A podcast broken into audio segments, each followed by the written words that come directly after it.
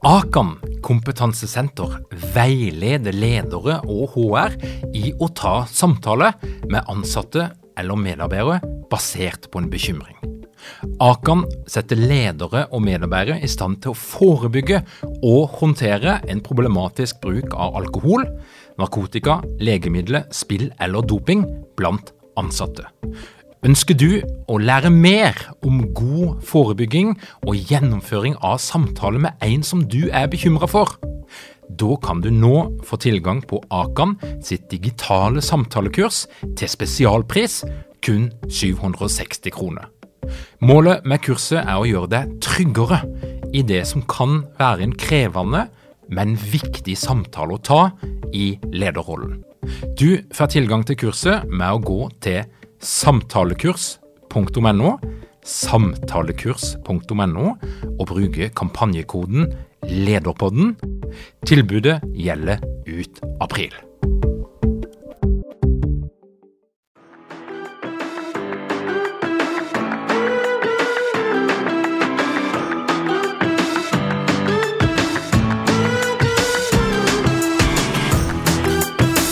Velkommen til Lederpodden. Mitt navn er Tor Åge Eikerapen. Jeg jobber som organisasjonspsykolog med leder- og ledergruppeutvikling. Og dette her er en podkast om ledelse. Forsvaret har Norges største miljø for lederutvikling og er en rik kilde for metaforer og historie for mange som jobber med lederutvikling. Men hva kan vi lære av Forsvaret, og hva har Forsvaret lært om ledelse de siste 50 årene? Og hva er det egentlig som kjennetegner moderne lederutvikling i Forsvaret i dag? Og hvordan vil dette her se ut i framtida? Det er det nå skrevet ei ganske så tjukk og innholdsrik bok om, og en av medredaktørene er Jan Ketil Arnulf. Jan Ketil Arnulf han er psykolog, han er professor på BI, og etter min mening så er han Norges beste ledelsesfilosof, som stiller ofte litt sånn vanskelig og krevende spørsmål som får deg til å tenke deg om ei ekstra gang. Men først skal du få et par ord fra Ellen Holt, tidligere deltaker på lederprogrammet, som i dag jobber som leder i Sveko. Ellen, var det verdt det? Ja, det er skikkelig kult, faktisk. For den følelsen sitter jeg Det er så eh, tydelig for meg at det her angrer jeg ikke én krone på. Så jeg kjørte jo full pakke. Ambisiøs og personlighetstest og alle moduler. Og jeg har hatt så god nytte av det. Jeg jobber jo med mennesker. Eh, masse mennesker. For jeg jobber også parallelt i mange prosjekter og dealer mye med mellommenneskelige ting og tang. Så jeg har fått veldig mye av lederprogrammet i form av konkrete verktøy. Og jeg satte også veldig pris på de breakout roomsene, hvor jeg fikk eh, på en måte kjørt meg litt da, i kleine situasjoner med andre. Hvor man også får For det første så får du brukt den kunnskapen du akkurat har fått tilegna deg, i praksis med andre, og så får du tilbakemelding med en gang. Litt sånn kan kanskje ordlegge deg annerledes, eller eh, hvordan, hva tenker du om hvordan mottakeren tok dette? det har vært så gull, for du har fått trent deg. Jeg har også tatt fram liksom kleine situasjoner som jeg ikke har villet snakke om. Og så har jeg tatt det da i breakout rooms og i læringsgruppe. Så jeg har virkelig lært uh, mye om det. Og for min del så handla det jo også om å få en litt uh, kunnskapsgrunnvoll for ledelsesfaget. Og jeg har fått nyvunnen respekt for at ledelse faktisk er et fag. At det er veldig mange ferdigheter som man kan lære seg. Og som vi har hørt også fram til nå, at det altså er veldig viktig å øve. Så jeg, jeg har fått masse å øve på, og jeg får praktisert det med en gang. Det har vært så deilig. Jan Ketil, velkommen tilbake til Lederpodden. Tusen takk, tusen takk for, for en litt sånn voldsom innledning, men tusen hjertelig. Ja. Jan Ketil, nettopp fordi at du er involvert med så mange ting. altså Du er jo òg en tungtvannsentusiast. Altså, jeg, jeg blir stadig overraska over åssen uh, ting du involverer deg i. Men, men, men, da er det litt greit å avklare gjennom spørsmålet hva er det egentlig som er din faglige lidenskap, som gjør at du ender opp i alle de her prosjektene? Ja, nei, det kan du si. Jeg tror nok at jeg har alltid vært litt interessert i å prøve å kikke på hva som er bakenfor fasaden. Altså, jeg har alltid vært litt opptatt av det som er bak fasaden. Så det er ikke alltid veldig kommersielt nyttig. Da. Sånn, ledelsesfaget, da, som du vet, Roger, der finnes det et sånt skjellsord som heter Heathrow Literature, som er sånn litteratur som du finner på alle store flyplasser i verden. Når du har en, du har en fire timers flytur foran deg, og hvordan kan du bli verdensmester i et eller annet på den tida der. Så jeg har jo alltid både som psykolog og som eh, ledelsesforsker så vært interessert i det å, å, gå litt bakenfor, selv om ikke det alltid er det mest kommersielt interessante. Da. Men det er nok ønsket om å komme bakenfor som driver meg, egentlig. Og så endte du opp altså, eh, som medredaktør i et ganske omfattende prosjekt som nå har endt opp i ei bok knytta til lederutvikling i Forsvaret. Hvordan havna du i den posisjonen? Jeg ble headhunta det var min medredaktør eh, Rino Bandlitz Johansen som eh, gikk i gang med det. Så spurte han om jeg ville være med på det, og så sa jeg ja. Er, historien er kanskje litt lenger, uten at jeg skal dra den helt, men det er jo sånn at um, de ga ut en bok før som het 'Militært lederskap', eller 'Militær ledelse'. Og Den boka var skrevet den var god, og fin, men den var skrevet av veldig mange som ikke var i Forsvaret. og den var litt sånn generell HR-ledelsebok. Jeg spurte da i en anmeldelse i Norsk Militærtidsskrift om hva, hva, hvordan ville det sett ut dersom Forsvaret hadde skrevet dette selv? Altså, hva, hva kan Forsvaret selv redegjøre for? Så det ble et prosjekt som de tok alvorlig. som Jeg da, jeg måtte jo for så vidt også legge hodet på hoggstaven. at hadde jeg først sagt at dette er nyttig, så må jeg jo bestemme meg for å være med også. Så jeg eh, ble det da på å få Forsvaret til å redegjøre for hva de faktisk gjør. Altså hva, hva er den formen for ledelse som Forsvaret etterstreber? og hva, hva, gjør de for å få til det, og funker det? Så Disse spørsmålene har de da jakta på og produsert denne boka som et vitnesbyrd om. Sånn kom jeg med da. Og hvem er denne boka skrevet for? Jeg vil nok si at den er skrevet for alle som er interessert i lederutvikling i Norge, vil jeg ha sagt, i vid forstand. Fordi, eh, For det første så er den jo et forsøk på, fra Forsvarets side på å redegjøre for hvor står vi nå. Så Min medredaktør Rino han er jo marinemann, han har vært MTB-skipper, så han kaller det for avfarende posisjon. Altså Hvor er vi hen? Vi må vite hvor vi er når vi skal et sted. Men det er også sånn at eh, Forsvarets miljøer er så store at man kanskje aldri egentlig har gjort, forsøkt å gjøre opp et regnskap for hvor står vi nå, hva er det vi driver på med, hva er det felles, hva er ulikt. Men så er det én ting til som jeg har vært opptatt av hele tiden. og det er at eh, Den gjennomsnittlige norske bedrift har fire og en halv ansatt. De driver ikke veldig mye med lederutvikling. Selv store norske firmaer, altså det er et stort norsk firma, er et firma med 50 ansatte. De driver heller ikke med lederutvikling.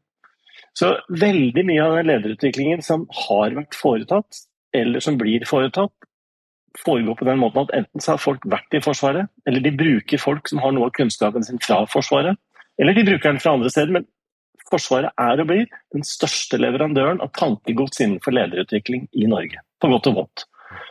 Så forsøket her, da, denne boka, er laget som en form for oppsummering av hvor vi står nå fra Forsvaret tilbake til skattebetalerne, og ikke minst til sine egne miljøer. Av litt ulike grunner. Det er jo en ting til. Altså, forsvaret er litt sånn i likhet med resten av det offentlige Norge plaga selvfølgelig med en eventyrlig rekke med omstillinger. Man omstiller og omstiller og omstiller. omstiller. Noen av de er funnet på på innsiden, og mye er pålagt fra utsiden. Og Ulempa med en del omstillinger er at man husker ikke hva man gjorde før. Eh, så Derfor så har mange bedrifter en tendens til å finne opp igjen hjulet. Dette har vi gjort før. Så dette er også et forsøk på å si at hvis det offentlige Norge bruker penger på lederutvikling, så er det ikke noe vits i å finne opp hjulet mange ganger. Så nå skriver vi opp hva som skjer, og så får man se er det framskritt, eller vi, står vi på stedet hvil? Eller, så det er, det er noe ressursutnyttelse også i dette her som er viktig, tenker jeg. da. Du har vel i likhet med meg møtt en del lederutviklere som har gått ut av Forsvaret, og som ofte legitimerer det de holder på med, med å si at 'jeg har bakgrunn fra Forsvaret'. Ja. Og så er det ikke noe vits å snakke noe mer om hva det innebærer. Eh, er det et eh, kvalitetsstempel i seg sjøl? Er det nok? Nei, jeg tror ikke det. Det tror jeg ikke. Det, altså Forsvaret har én fordel som vedkommende kan ha utnyttet, men det er jo ikke sikkert. Den ene fordelen er at eh, det er veldig vanskelig, eller i hvert fall tradisjonelt har vært vanskelig i Forsvaret å bli leder uten å ha prøvd seg i praksis. Um, hvis du tenker på hvordan da norske bedrifter i dag ser ut, så er det ganske mange som blir førstegangsledere i en alder av 40-50 år med veldig mye utdanning og selvstendig praksis. De har egentlig aldri prøvd seg. Det lille forspranget som de fleste i Forsvaret får sånn helt automatisk, er at de har i hvert fall vært sammen med slitne mennesker døgnet rundt i en periode for å skjønne hvordan det fungerer. Men utover det så, så, er det nok også veldig variabelt for folk i Forsvaret hva de har, vært, hva de har med seg i bagasjen. Da. Og veldig mange mennesker kan veldig mye om ledelse utenlandet i Forsvaret. Så jeg tenker det er ikke en sånn eh, Altså det er ikke en fix for alt mulig rart. Altså. Det er det ikke. Mm. Men, men er, for meg så ser det ut som det er, en liten, det er litt en sånn spenning eller noen motsetning. Altså På den ene sida er jo en del av den kiosklitteraturen som du nevner, der eh, en del av de handler om Navy Seals eller en eller annen elitesoldat som har gjort noe bra, og, og, og det har vært en elitesoldat. Eh, det er et, et, stempel som jeg tenker ja, det, det, gir en viss status i veldig mange miljøer. Så det er den ene sida av det, der vi tenker altså på Forsvaret som et eller annet høyverdig, og, og, der det er såpass ekstremt at det du lærer der, det må være relevant for det som skjer på utsida av Forsvaret òg. På den andre sida, hvis du ser på Forsvaret, hvordan de framstender i media, f.eks. når de omtaler det som skjer i Ukraina, eh, hvis vi tenker på hierarki, hvis vi tenker på command and control, så, så virker jo det noe gammeldags sammenligna med den autonomien og agiliteten som mange snakker om i moderne lederskap. Hva er det egentlig Forsvaret har å bjude på for moderne ledere? Ja, er, altså de, de, spørsmålene du tar opp, det er så store at det fyller jo, det fyller en hel mastergradsoppgave. det du spør om der. La meg begynne i den ene enden. så er det sånn at eh, Forsvaret er nok ikke lenger det det var, for, i hvert fall ikke for 100 år siden, og kanskje ikke for 30 år siden heller. Eh, men hvor Det er en stor forskjell på Forsvaret og, og i hvert fall det du kan si private næringsliv, og det er at næringslivet kan godt holde seg med små, autonome bedrifter. og så du, kan, du kan lage en oppstartbedrift som består av tre, som sagt, fire og en halv person. Da. Så går det en konk, og så er det greit. Altså, ideen deres var dårlig, de fikk det ikke til av ulike grunner. og Så forsvant den, og så vokser det opp en annen bedrift som gjør det samme som de gjør ved siden av. Sånn er det i økonomien, og sånn er det med entreprenørskap.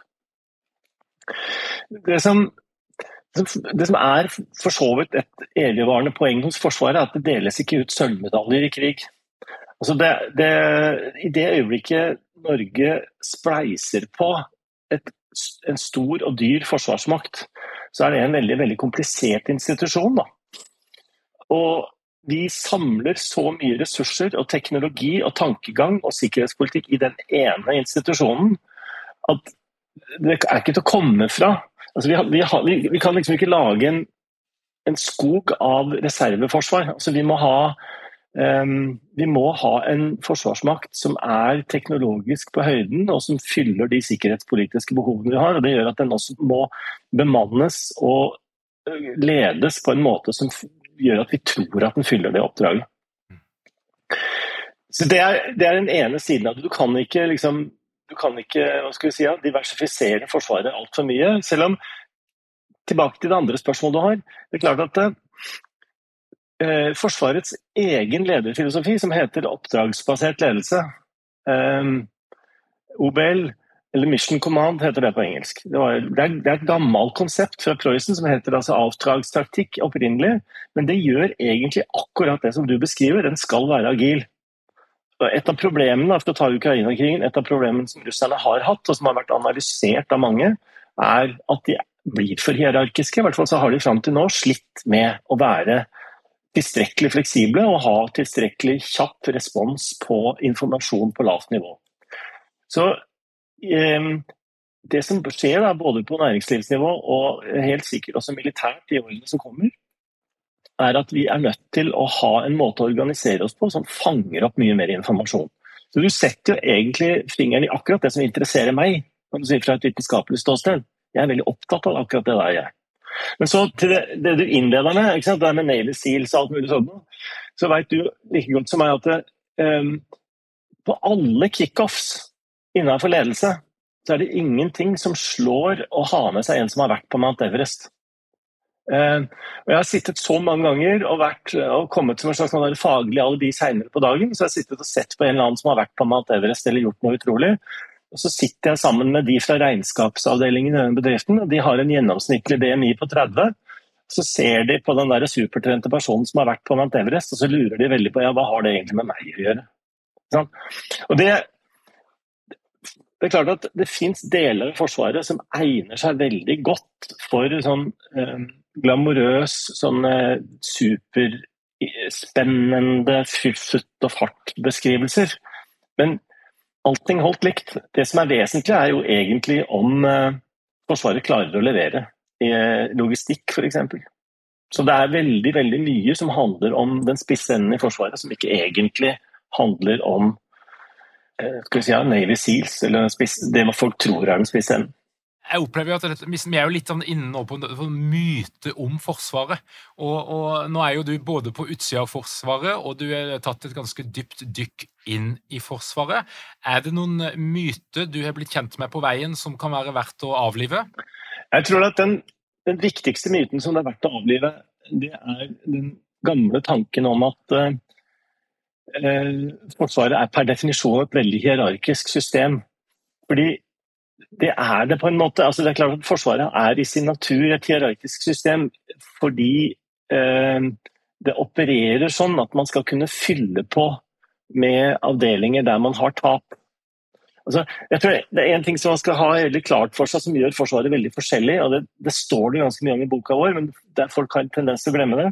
Forsvaret er en av de få norske institusjoner som kan ansette folk og pålegge dem oppgaver som normalt ville vært forbudt etter HMS-instruksen.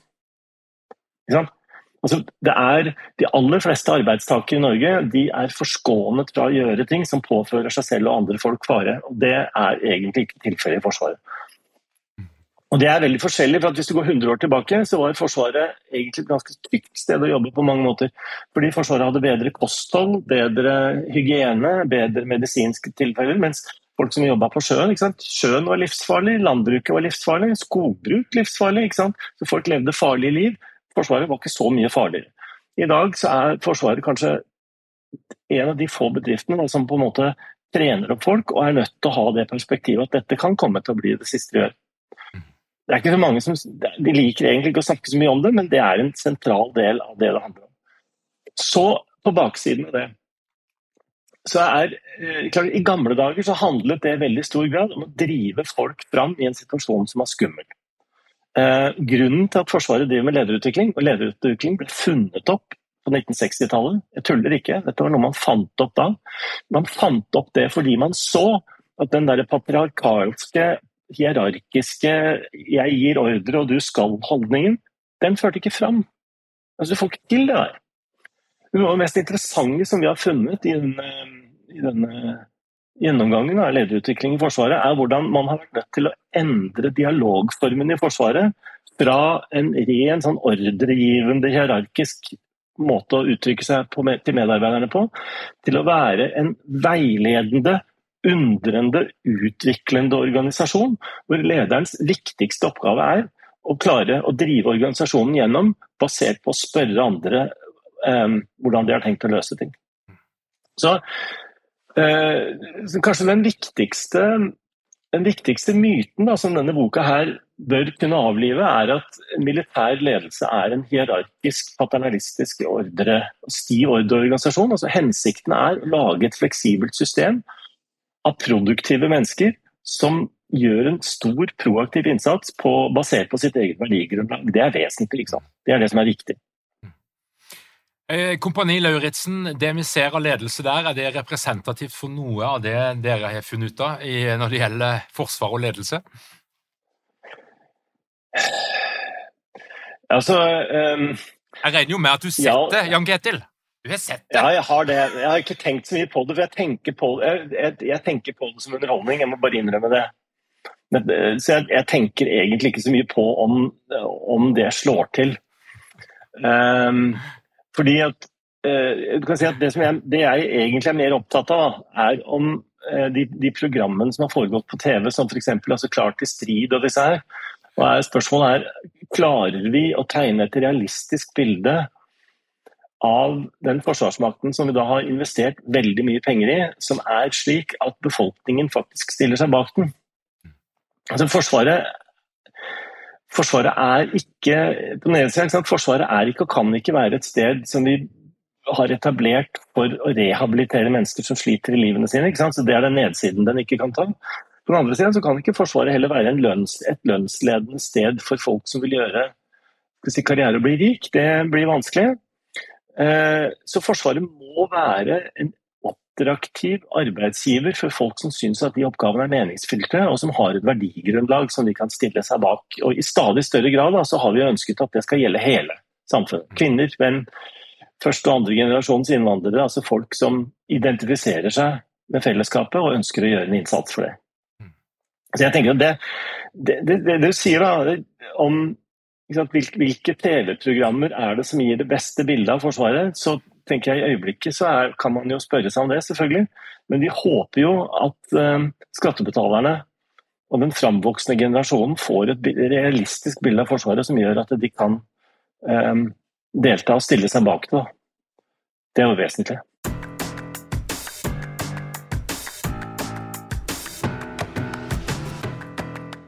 Hvis du skal tegne et grovt bilde av den historiske utviklinga som er verdt av leder- og ledelsesutvikling i Forsvaret siden 60-tallet, eh, er det noen milepæler som er verdt å nevne?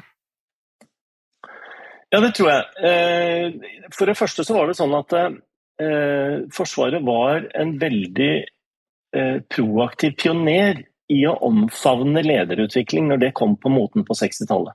Så Forsvaret var veldig tidlig ute, det, kan, det er ikke noe vanskelig å dokumentere det.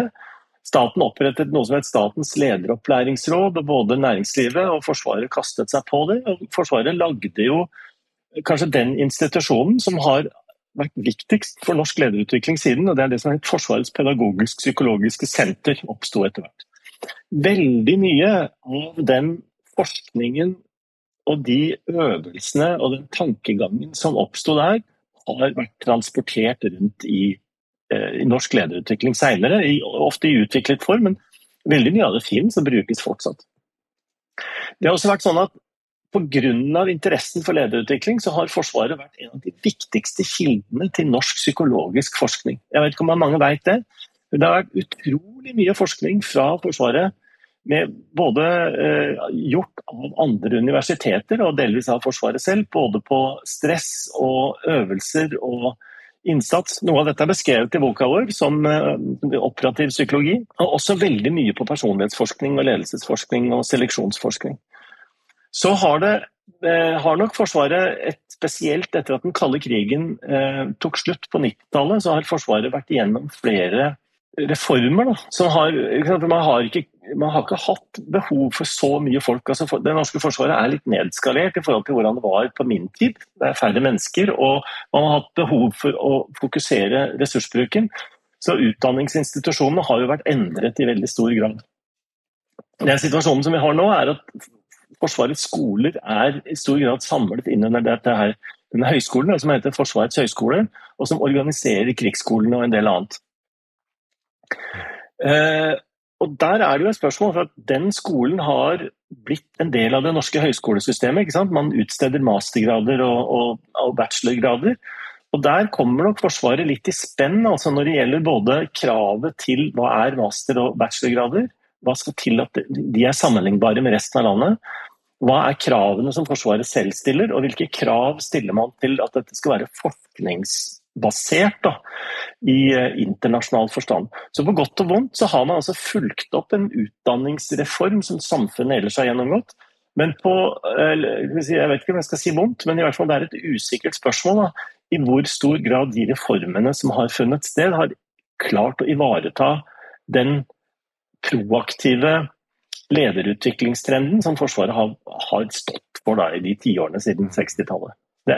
Det, fins vel noen eh, stemmer som hevder at det er en akademisering som, som ikke er heldig. Er, er det, har du fanget opp noe sånt?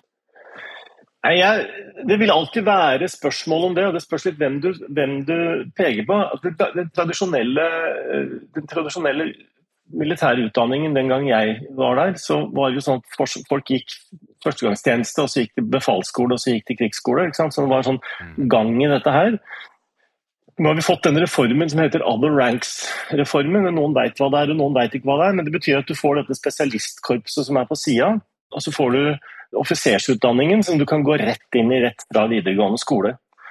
Um, Det har jo ført til et, en annerledes akademisering av noen, men ikke alle. Og så har du de andre igjen som på en måte har uh, mye mindre krav til akademisk utdanning, hvor man kan lure på om det er heldig på den måten. Så det er mange som diskuterer det. Jeg skal ikke ha noen meninger om det i denne sammenhengen, men det er klart det påvirker jo, uh, det påvirker jo den systematiske lederutdanningen. Det gjør det. Jeg tror ikke det, er, tror ikke det der løpet er ferdig lagt. Um, det tror jeg ikke.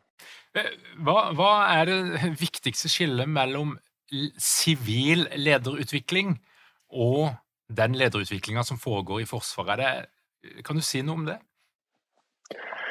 Ja, og her, her er vi tilbake til det som jeg faktisk tror er en fordel i Forsvaret, da, som mange andre ikke har. Uh, og det er at uh, de aller fleste som får en jobb som enten da uh, sånn sersjant-type befal eller som offiser i Forsvaret, de vil være nødt til å forholde seg til lederoppgaver ganske fort innenfor det de driver på med. Altså, de forholder seg til mennesker som blir pressa på en eller annen måte. Ikke sant? Det er øvelser, det er, er krav, og man, man, man får en rolle i å ta ansvar for dem, og man får feedback fra andre mennesker på de mellommenneskelige prosessene. Det er veldig få utdanninger i Norge som, den, eh, som gir noen den erfaringen. Skal du tenke på de aller fleste akademikerne som styrer Norge, f.eks. Altså de store profesjonsutdanningene f.eks. innenfor uh, juss, ingeniørfag eller, um, eller um, Silvøk og sånn, så er jo dette folk som får lov til å leve et nokså ensomt liv med skolebøkene sine fram til de er eh, blitt modne mennesker med, med villa og, og stasjonsvogn. Så De har på en måte aldri ledet noen. ikke sant? De har ofte ikke engang jobba før de går ut og skal bekle en eller annen lederstilling. Um, det tror jeg ikke er heldig, da, for å si det sånn. Det, jeg, der er det Forsvaret har en unik mulighet til å Eh, gi sitt personell, de som får lederoppgaver, muligheten til både å bli selektert og å prøve seg i praksis. Så Det tenker jeg er en, en vesentlig eh, fordel da, som Forsvaret har. Og Det gjør egentlig at Forsvaret fortsetter å være en viktig arena. for at Forsvaret utdanner vel ca. 2000 ledere i året. Um, som med alle andre bedrifter, uansett nedskjæringer eller ikke, så er det sånn at mange blir ikke der. Altså Mange finner ut at nei, jeg vil egentlig heller reise hjem til hjemstedet mitt og gjøre noe annet. eller sånn, Men det betyr jo at Forsvaret er og har vært egentlig en av de største eksportkildene til um, folk som har prøvd seg på ledelse rundt omkring i Norge.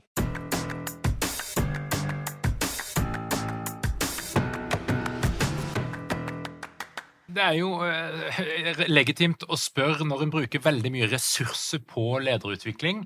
Eh, det gjør en jo òg i det sivile samfunnet. En milliard står i boka at eh, det brukes i Norge på lederutviklingstiltak. Og sannsynligvis er det store summer det er snakk om i Forsvaret òg. Virker det? Hvilken effekt gir lederutviklingstiltakene? Ja, altså virker det eller virker det ikke? Vi har jo snakka om det før. Altså, det, ledelse er noe man må lære. Altså, det fins ingen fødte leder. Det gjør det bare ikke. Det er, det er en narsissistisk overtro. Så alle som kan lede, har lært et eller annet sted. Og veldig ofte, de, Hvis man ser på de som er flinke til det, så er det så ofte sånn at de har begynt tidlig. De begynte i idrettslag og speideren. Folk, folk, har verv. Så, så de aller fleste som lykkes i ledelse, gjør det fordi de har holdt på med en stund. Ehm, Forsvaret har den fordelen at man kan lære å evaluere hvor godt du gjør det innenfor den konteksten som du fungerer i. Det som er et tankekors noen ganger, og som jeg tenker som kanskje også er et, et spørsmål om organisering og bevilgning, det er om folk blir godt nok evaluert. Da, for at Forutsetning for at lederutvikling skal funke, er at noen, noen fanger opp om ok, du har fått et kurs eller du har fått en mulighet til å reflektere over det du har gjort. Og så kommer Er du ikke mange ledere uten trening eller utdannelse innen ledelse? Mangler dere en felles kultur og praksis for ledelse? Ønsker dere å være bedre rustet for fremtidig vekst og endring? Da kan et internt lederutviklingsprogram være en god investering. I Execu så er vi eksperter på å designe og gjennomføre bedriftsinterne lederutviklingsprogram. Hvis du ønsker å lære mer om hvordan vi kan hjelpe dykken til å få enda bedre ledere, ta og klikk deg inn på execu.no.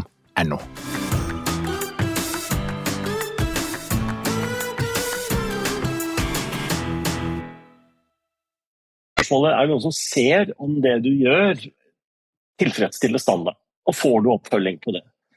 Der, eh, der det kan ikke jeg garantere for. Det er nok en av de tingene jeg lurer på etter at vi har blitt ferdig med denne boka, om, om Forsvaret er, om de er gode nok da, til å følge opp um, og gi tilbakemelding og gi folk karrieretilbud basert på det de lærer. Og så er det sånn at Forsvaret, i likhet med sivile bedrifter, da, har en tendens til å opprette og legge ned igjen avdelinger. sånn du kan ha lært noe som var nyttig et sted, men det er ikke helt sikkert at det passer inn helt der du kommer. da, Som er sånn ny som leder-problemstilling. Og Det er jo en av de tingene som jeg er litt opptatt av, at ledelse er ikke fullt så generisk som mange liker at, å tenke at det er. Altså, ikke minst fordi at folk i praksis har en tendens til å konkretisere lederoppgavene sine der de jobber. Altså Ledelse er å gjøre den jobben jeg gjør her. Eh, og Det gjør at de, folk innenfor Forsvaret er, ikke, de er ikke bedre enn folk i andre deler av samfunnet til å skjønne hva som er nytt når de kommer i en ny kontekst. Det tror jeg er vanskelig for alle. Så hurtig omstillingstakt skaper alltid for, sant, utfordringer for ledelse. Du skriver i, i boka at eh, ledelse er et problematisk begrep for Forsvaret, og så beveger du deg litt inn på det som du kan Eh, en god del mer om enn mange andre. Analyse av tekst. Ja, ja altså ledelse jeg, jeg, Det er litt rart. altså En av grunnene til at jeg er eh, interessert i ledelse, er at jeg er litt skeptisk til ledelse. Det høres kanskje rart ut. Men eh, jeg har jo hørt veldig mye rart blitt fortalt og sagt om ledelse i, i, ulike situasjoner. Og det er veldig stor forskjell på å drive med ledelse og å snakke om det. Og um, veldig mange lederbegreper, og spesielt folk som snakker veldig fint om ledelse, har en tendens til å bruke ledelsesbegreper som det jeg kaller for tomme tautologier. Altså det er altså Internett flyter over av flotte og tomme ting å si om ledere. Mens de aller fleste mennesker har jo opplevd eller har sett på nært hold ledere som ikke bare ikke får det til, men kan være ganske farlige.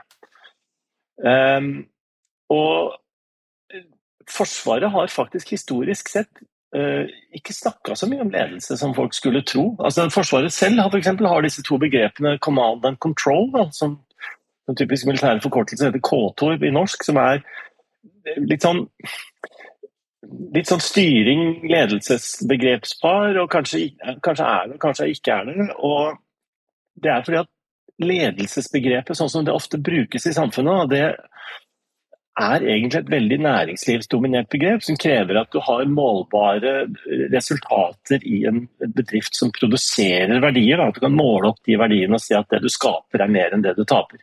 Forsvaret har en vanskelig holdning til det, ikke minst også for at, um, som en av våre bidragsytere, Harald Høybakk, sier, Forsvaret kan ikke gå konk, og de kommer ikke opp i muntlig eksamen.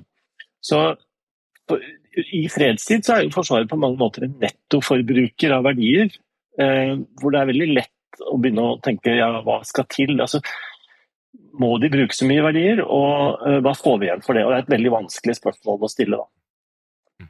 Sånn at Historisk sett da, så har jo Forsvaret hatt et vanskeligere forhold til det skal vi si, veldig sånn resultats- og nyttefokuserte ledelsesbegrepet som næringslivet liker å bruke. Det må vi se.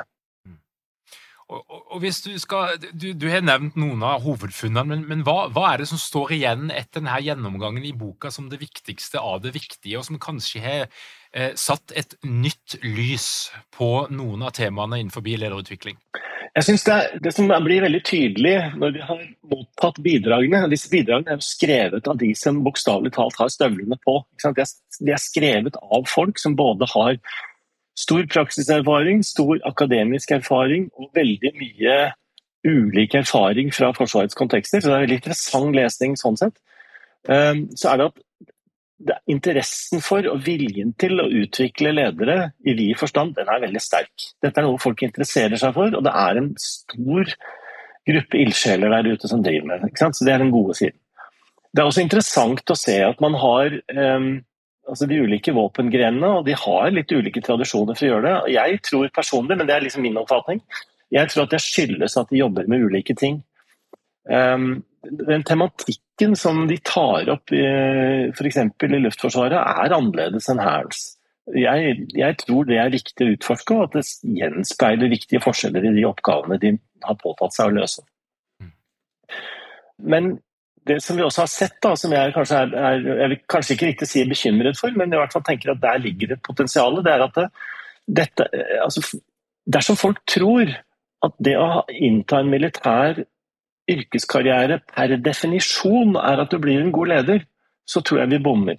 For at Arven fra 1967 og den tiden da dette ble innført, tilsier at det er ikke nok å sette folk på en uniform og sette dem ut, et, ut på en eksersersplass. Altså det, det skaper ikke ledere.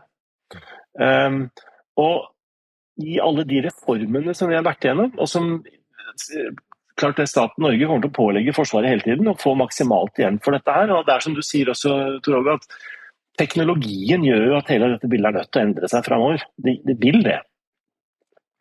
Så kommer spørsmålet skjønner vi og allokerer vi nok krefter til de tiltakene som er nødvendige for å modernisere de lederne vi trenger der ute. Og um, Det er jeg ikke så sikker på, fordi jeg tror nemlig at Forsvaret historisk sett har hatt en tendens til å begynne å hvile seg på tradisjoner. Det tror jeg de bevilgende myndighetene er veldig glad for. Så jeg tenker at um, Muligheten for å produsere gode ledere og fornye den lederutviklingstankegangen i framtida, den kommer ikke av seg selv. Der er, og Forsvaret har, i likhet med alle andre institusjoner, en tendens til å våkne opp til at filleren vi glemte noe på veien, så nå må vi, liksom, pendelen snur og vi må hente inn igjen ting. Men jeg vil jo håpe på at, eh, at, vi klarer å opprettholde interessen for dette faget i det som egentlig er Norges største og dyreste og beste treningsarena for lederutvikling. Fordi effekten på resten av samfunnet vil være veldig stor. Ukraina-krigen det, er jo bare noen små biter av informasjon som, som vi får tak i, men det, det er jo et bilde da, av Ukraina som agil, som teknologisk eh, ganske så oppegående. Altså egentlig en, en nasjon med mindre, med mindre, makt og mindre muligheter, men som gjennom en litt annen tilnærming til krigføring allikevel holde stand. Og nå er Vi inne på litt sånn, vi er utenfor boka nå, og vi skal være litt forsiktige. Jeg kjenner allerede at jeg er på tynn grunn. Men framtida i Forsvaret Du sa noe om det nå, men, men, men hva kan vi se for oss? Hva, hva, I hvilken grad gir det som skjer i Ukraina, oss en pekepinn på retninga som kanskje det norske forsvaret òg må bevege seg i? Ja, um, jeg er enig med deg at det, det, er litt skummelt, så dette får stå for min helt personlige uh, oppfatning. Da. Men det jeg tror eh, La oss nå gå tilbake igjen til næringslivet et lite øyeblikk. Altså, de store pyramidale firmaenes tid er over. General Electric driver og splitter seg selv opp. ikke sant? I Norge så er det store Norsk Hydro er splitta til Yara og Hydro og andre selskaper. Og Det er fordi at vi vet at det er ikke agilt nok. ikke sant? Sånn at Entreprenørskaps- og tech-tankegangen er at uh, du kan ha større produktivitet, for Forsvarets del større ildkraft, med en liten gruppe med veldig intelligente personer. Det fins en Uh, og med intelligent så mener jeg ikke nødvendigvis at personene er smarte, men altså de, er, de, er, de, har en informasjonsbearbeidingskapasitet. Du kan gjøre det med IT og systemer og sensorer og alt mulig rart. ikke sant? Så, og disse ukrainske dronekrigerne er jo et eksempel in, in point. Da, hvis, du, hvis du kan ha relativt agile, relativt billige sensorenheter som kan gjøre veldig mye eh, som, som, kan gjøre verden veldig vanskelig for en stiv og hierarkisk gammeldags organisasjon. Det kommer til å fortsette. Den, den, teknologien kommer til å akselerere. Og I næringslivssammenheng vil vi derfor vite at eh, det å nedskalere og kjøre um, altså mestre risiko gjennom å ha en gjennom porteføljetankegang. altså Det er mange tenkelige aktører som driver med et, en ting. Det er viktigere enn å sentralstyre noen ting. Forsvaret kommer helt sikkert, og har vel allerede egentlig kommet inn igjen, på mange måter inn i en sånn tankegang.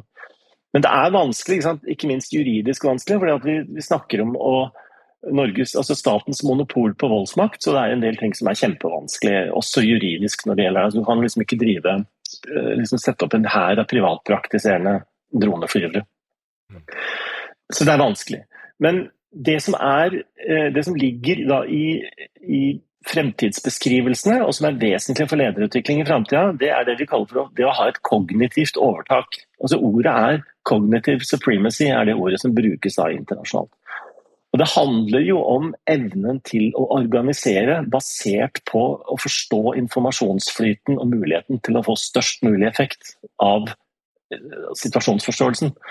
Så Tankegangen innenfor lederutvikling har jo vært eh, gått i retning av situasjonsforståelse og agile organisasjoner og muligheten til å bruke store informasjonsmengder i, i sanntidsbeslutningstaking. Forsvaret vet det, selvfølgelig, men det krever nok en annerledes type tankegang og en annerledes type samhandling blant folk enn det vi har sett før. Eh, jeg jobbet med litt politiet om dette her også for en tid tilbake. og det er klart at Både politiet og Forsvaret er jo kommet nå i den situasjonen at ja, det er riktig at man trenger mennesker som er veldig gode fysisk og har veldig stor fysisk styrke og sånn, men men man har også kommet dit at man på mange måter etter hvert også trenger de der som sitter med beina på bordet, med, som ikke har vekt, kroppsvekten helt i orden, men som faktisk har i fingrene på tastaturet. Så, så ting, ting, er i endring. Det vil komme til å endre seg. og jeg tror at det beste man kan gjøre, er å omfavne den endringen og tenke liksom, cognitive supremacy. Det tror jeg er tittelen på den veien vi kommer. Det er dit vi skal.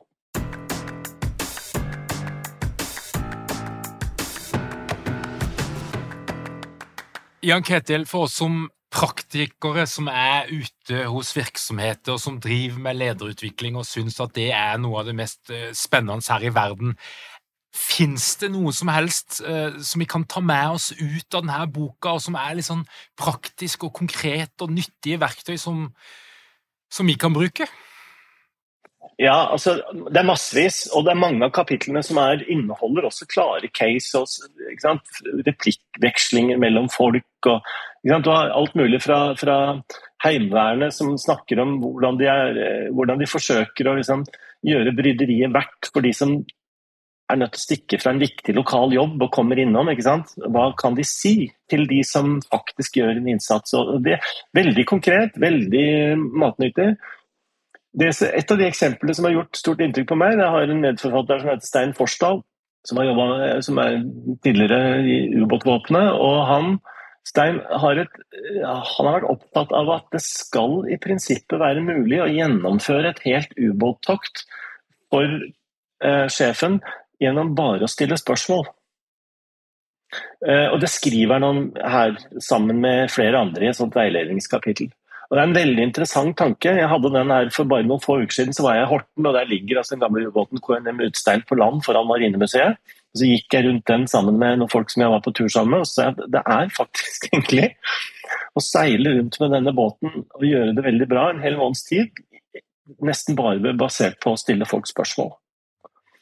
Det er, og jeg snakka med Stein igjen etter at vi ga ut boka. Han sa det samme. Han har, hatt, han har blitt konsulent i næringslivet. Han sier at det er en det der å få folk til å skjønne at du faktisk kan operere verden gjennom å stille fornuftige menneskespørsmål, det er en praktisk og interessant øvelse å gjøre seg. Så Det er, det er mange sånne. da, jeg kunne gått, det er mange flere. Men det er mye praktisk i denne boka. Det er det. Og så er det en fantastisk god og grundig innføring i hva lederutvikling er og ikke er for noe, og å skille mellom lederutvikling og ledelsesutvikling. Og det syns jeg ofte er litt vanskelig å få has på, Jan Ketil, men du er jo en av de som ofte snakker om det skillet. Ja, ja. Kan du dra det for oss? Det kan jeg gjøre.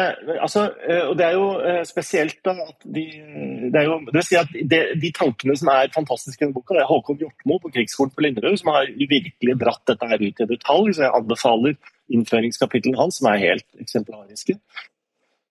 Um, og Han beskriver veldig at led, altså lederutvikling er alt det som gjør individet bedre i stand til å mestre de oppgavene du står overfor. Og Det handler alt om om det å forstå hva oppgaven går ut på, forstå samhandlingsperspektivet og forstå seg selv. Men ledelsesperspektivet det er å skjønne det at grupper av folk har et liv selv. Altså vi, det er det, man kaller det for team spirit mange ganger, og sånne ting. Er, de fleste har et slags forhold til det, men det er faktisk sånn at bedrifter, organisasjoner, avdelinger, små team, folk, de har kapasiteter som må øves opp, og som de har sammen. De ikke, kan ikke reduseres til at du har en flokk med genier. Det er det som disse menneskene må øve på sammen. Og det gjelder, det gjelder, både for eh, lag ute i felt og det gjelder jo for toppledergrupper. At de som sitter sammen og skal gjøre en oppgave, må få det til sammen. Det spiller ikke noen rolle om de, har, om de er eh, S hver på sin tue, hvis de ikke får det der til å svinge. Så Det har Håkon beskrevet synes jeg, på en veldig veldig god måte. Han har gått gjennom forskningen. sånn at når man Har gått gjennom, har man de kapitlene der, så har du et veldig solid grunnlag å skjønne dette på. Det må jeg si. Mm. Så, så, når vi jobber med, med ledergruppeutvikling og, og, på plattformen til, til Bang og Middelfart og effektive ledergrupper, så er det ledelsesutvikling. Mens vi når vi har mer individfokuserte lederutviklingsprogram, så er altså det en litt annen kategori. Riktig. Og, og, det er veldig vesentlig å tenke seg at man det, altså Ledelsesutvikling er den kapasiteten som eh, gjelder de usynlige relasjonene mellom folk. Så ledergruppeutvikling er virkelig et case in point. Mm.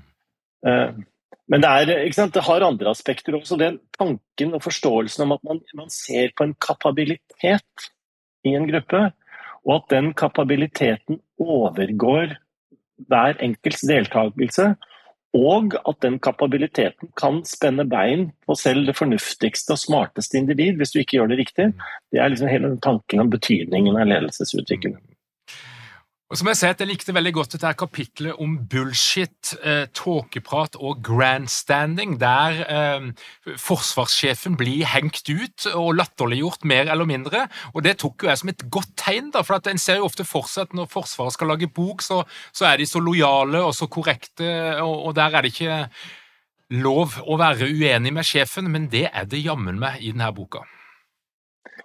Ja, så Det er kanskje en av, eh, en av illusjonene som du spurte meg om. Hvilke illusjoner er det man skal ha om Forsvaret?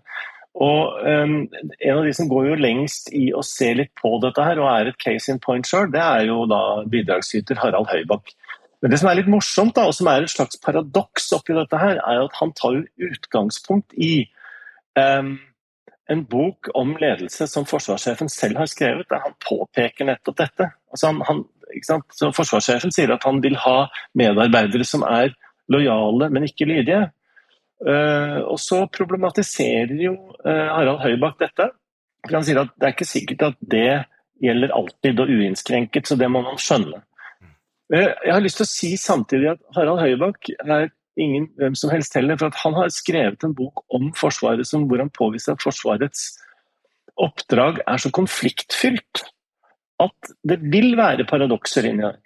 Det er nødt til å være paradokser inni der. og Derfor så er noe av det som jeg synes er fantastisk med både denne boka og Haralds bidrag, er at Forsvaret, fordi det er så stort og fordi det har så komplekse oppgaver, så er også Forsvaret et eksempel på at det er ikke en opplagte one size fits all-løsninger. Altså, du kommer opp i problemer som ikke har en opplagt løsning, selv om du har fått en opplagt oppskrift. for å si det sånn. Oppskrifter gir ikke alltid løsninger. Og eh, Derfor vil jeg også si at vi har med et helt utmerket kapittel om hva det vil si at beslutninger er verdibaserte. For det fins ingen ferdig oppskrift for ledere egentlig om hvordan de skal håndtere verden. Så til syvende og sist så faller det jo ned på hvilke verdier du føler er førende. Men det er som du sier, både det kapitlet til Høybakk og, og det til, um, til Cornelia Wikan om uh, verdibasert ledelse, det er, og etikk, det er også spørsmål som, som, krever at man skjønner at dette, er, uh, dette har mange lag. Og Forsvaret er også et utstillingsvindu i at det, de enkle løsningene de er ikke. Altså. Du må klare å komme videre. Men det er et sted hvor takhøyden i den forstand er stor, fordi det går an å løfte opp disse problemstillingene. og eh, Man kan ta det opp, og man bør ta det opp, og det ligger der som eh, ja, spørsmål som praktiserende ledere er nødt til å finne sine egne svar på. Og så er det én ting som, som, kanskje er noe av det som fikk meg til å tenke litt ekstra og ga meg noen nye perspektiver. Det er jo dette her med at eh, ofte så tenker vi på, på, på de som er i, i, krig. De er helter, de er superkvinner, de er supermenn, de er moralsk høyverdige. Men, men det dere skriver noe om i et av kapitlene, det er jo at eh, det å være i krig, det, det, er noe dritt, og at det er altså Rasshølene blant oss, eh, de er òg med på å vinne krigen, eller noe lignende. Jeg tror det var litt penere formulert i boka, men, men, men poenget er da at, at, når du er i en krigssituasjon, eh, så er det en del av de her verdiene som, som ikke nødvendigvis gjør at du vinner krigen. Ja, og det går litt tilbake til noe av det som eh, jeg prøvde å si innledningsvis. at altså Forsvarets oppdrag er vanskelig, det er, men det er reelt. Fordi det øyeblikket de står overfor eksistensielle trusler, eh, og de har det vært mange av i norsk historie, de kommer helt sikkert tilbake. og Ukraina-krigen er et eksempel på at vi, vi, må ikke tenke at de forsvinner. Så, så er jo Forsvaret til for å uh, si det med Clausewitz, da. Um, å, å gi fienden en uh, reell motstand og en reell trussel om at dette ikke er, det er ikke gratis å forsyne seg av Norge. Men det er klart, det er ikke gratis for oss heller å, å etablere den mottrusselen. Og de tingene som kommer til å skje da, er eh, Det er vanskelig å begynne å spekulere på hva som skjer, men at det blir ubehagelig, det tilsier historien at det vil bli. Men så har vi jo et problem der, fordi at eh, vi vil jo samtidig, og det tror jeg er helt nødvendig, vi vil jo samtidig at den verdenen som vi ønsker å bevare, skal jo være en verden som reflekterer de verdiene og det fellesskapet som vi ønsker å ivareta her. Sånn at dette er et av de stedene hvor noen av behovene for å balansere mål og virkemidler er viktige. kan si sånn, okay, I den skarpe enden av Forsvaret så skjer, uh, skjer, det ubehagelige ting, og vi må ha folk som tåler det, og det er helt sikkert riktig. Sant? Derav bestemte typer trening og seleksjon og den typen ting. På den andre siden så er det jo sånn at dersom uh, dersom vi da dyrker fram en mentalitet og en kultur som folk ikke ønsker å delta i, så kommer jo ikke våre beste hoder. Da blir ikke dette spesielt skarpt heller. Forsvarets skarpe ende er ikke særlig skarp hvis de aller fleste smartingene i samfunnet har valgt seg et annet sted å jobbe. Så, um, så det er, Dette er et eksempel på de ubehagelige spørsmålene hvor det ikke finnes et, det finnes ikke et enkeltstående svar. Det er fulgt opp av uh, motstridende hensyn og, som må balanseres. Det er vanskelig. Ketil, du har vært involvert i dette prosjektet lenge. Du er generelt historisk interessert i Forsvaret. Jeg lurer jo på, er det noe som du har endra syn på? Skifta mening? Noe som du ser helt annerledes på eh, før og etter du ble med i prosjektet? Eh, det kan du kanskje si, men jeg tror kanskje det skyldes mer at jeg begynner å bli gammel. Jeg er usikker på om jeg har lært av prosjektet eller det er for at jeg begynner å bli gammel. Men om, men om, um, om 14 dager så skal jeg til Rundhaug gjestgiver i Midt-Troms for Indre Troms for å uh, ha et lite seminar om hva skjedde når forsvarsledelsen satt igjen da kongen dro i 1940.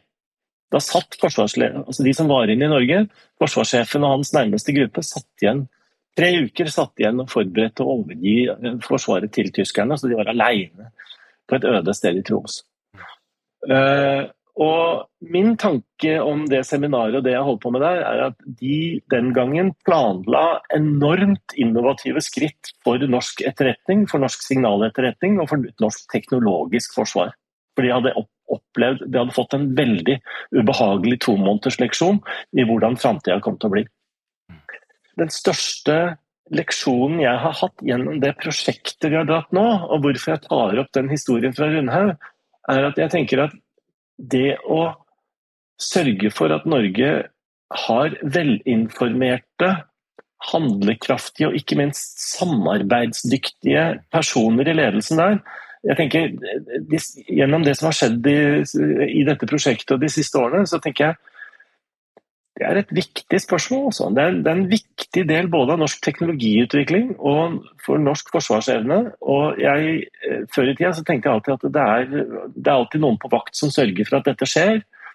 Om det er bare for at jeg blir gammel, det vet jeg ikke, men jeg tenker at uh, altså Den største forskjellen på nå og 1940 er at uh, vi har i dag en mye mer næringslivsorientert offentlig ikke i offentlig sektor, men altså vårt offentlige liv er mye mer orientert mot skal vi si, aksjonærene, ref. alle disse her folka som nå får trøbbel fordi de har handla med aksjer samtidig som de er politikere. Eh, men vi har fortsatt en del store institusjoner, og Forsvaret er blant dem, som ikke har den samme evnen til å snu seg kjapt. hvor Du ikke liksom kan bare liksom slå noe konk og kjøre videre med en annen leverandør.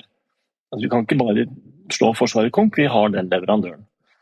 Så det er en del steder fortsatt i norsk eh, samfunnsliv som er møtesteder for kompetanse og initiativer. Og vi må sørge for at de lever og at de er bemannet med folk som er interessert, og at vi får gode hoder dit. Det er jeg nok mer opptatt av nå enn jeg var før vi begynte dette prosjektet.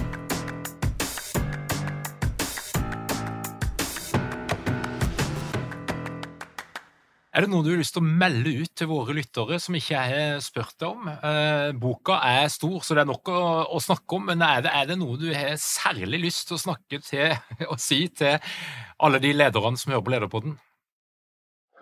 Ja, jeg har, jeg har, lyst til å si at uh, denne boka er full av eksempler på, og det syns jeg er Man kan bla inn. Jeg sier den boka er en twist-pose mer enn egentlig. Det er ikke en 25-retters middag. Ikke begynn liksom, på, på første side gå rundt og se på hva som er der, bla fritt, fritt i dette her. Men jeg tenker at det er en veldig god påminnelse om, gjennom mange ulike situasjoner og kontekster, at gode ledere ikke kommer av seg selv. Gode ledere må rekrutteres, og de må trenes, og de må vedlikeholdes. Og du må gjøre øvelsen til dels nytt på nytt igjen når konteksten endrer seg. ikke sant? Så den boka her er en ganske god påminnelse på at det, det, dette er ikke en uh, dette er en stadig kamp da, for å holde organisasjonen levende. Jeg har lyst til å sitere Carl Weich på slutten. Carl Weich sa alltid at det, det fins ikke noe sånt som organisasjoner, det fins bare organisering. Organisering er et verb, og du må holde på med det hele tida. Det er ikke som at trening er ferskvare. Sånn er det. Ja. Nydelig. Jan Ketil, boka heter altså 'Militær leder- og ledelsesutvikling i teori og praksis'. Og Den er ute nå. Eh, den er gitt ut på Forsvarets høgskole. Og det som er veldig kult, er at du kan laste ned denne boka gratis på Idun. Så hvis du søker på bokas navn, eller på Jan Ketil sitt navn og Idun, så kommer du inn på en link, og jeg skal jammen meg legge ut en link i shownotesene, sånn at det er flere som kan benytte seg av denne muligheten. Men hvis du vil imponere stort i det sosiale liv, så må du selvfølgelig ha eh, selve boka i papirutgaven liggende på din, uh, lille, ditt lille bord. Tyngden du trenger. Ja. ja. ja fint, Tor Roger. Tusen hjertelig takk for at du tok deg tid til å snakke med meg om dette. Det har, vært, dette har fylt opp uh, veldig mye tid for oss. På vegne av Rino, meg selv og alle forfatterne så jeg er helt sikker på at alle syns det er veldig kult at uh, folk legger merke til dette. Tusen hjertelig takk. Tusen takk for at du kom til Lederpodden. Det er alltid en stor fornøyelse å snakke med deg, Jan Ketil, og nå kan jeg bare ønske deg god helg. Ja, god helg til alle. Fint. Ok. Ha det. Hei, hei. Til deg som hører på Lederpodden, hvis du har lyst til å få med deg alt som skjer i vårt lederunivers, da kan du komme deg inn på lederpodden.no, trykk på den rette knappen, legg igjen din e-post, og du vil få vårt ferske nyhetsbrev i din innboks hver eneste fredag. Vi driver med lederutvikling, det er det som er greia, og vi har et program som heter Lederprogrammet. Der er det noen veldig få plass igjen. Hvis du er interessert, kom deg inn på lederprogrammet.no. Det er altså Emil Kulsvehagen som har miksa denne produksjonen. Og hvis du er interessert i eh, å være med, annonsere eller hva det måtte være, så kan du komme deg inn på lederpodden.no. Tusen takk for at du hører på Lederpodden. Vi høres igjen om ei uke.